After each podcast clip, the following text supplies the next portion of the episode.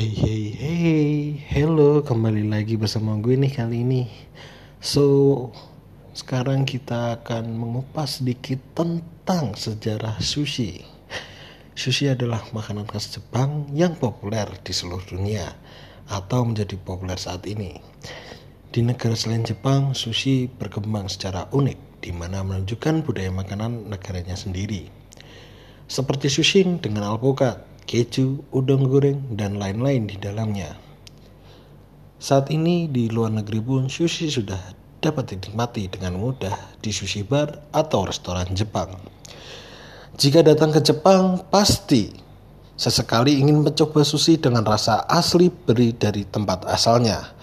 Di Jepang, kalian dapat menyesuaikan dengan anggaran biaya kalian karena ada macam-macam tempat makanan sushi selain ada restoran sushi tradisional. Sekian, terima kasih.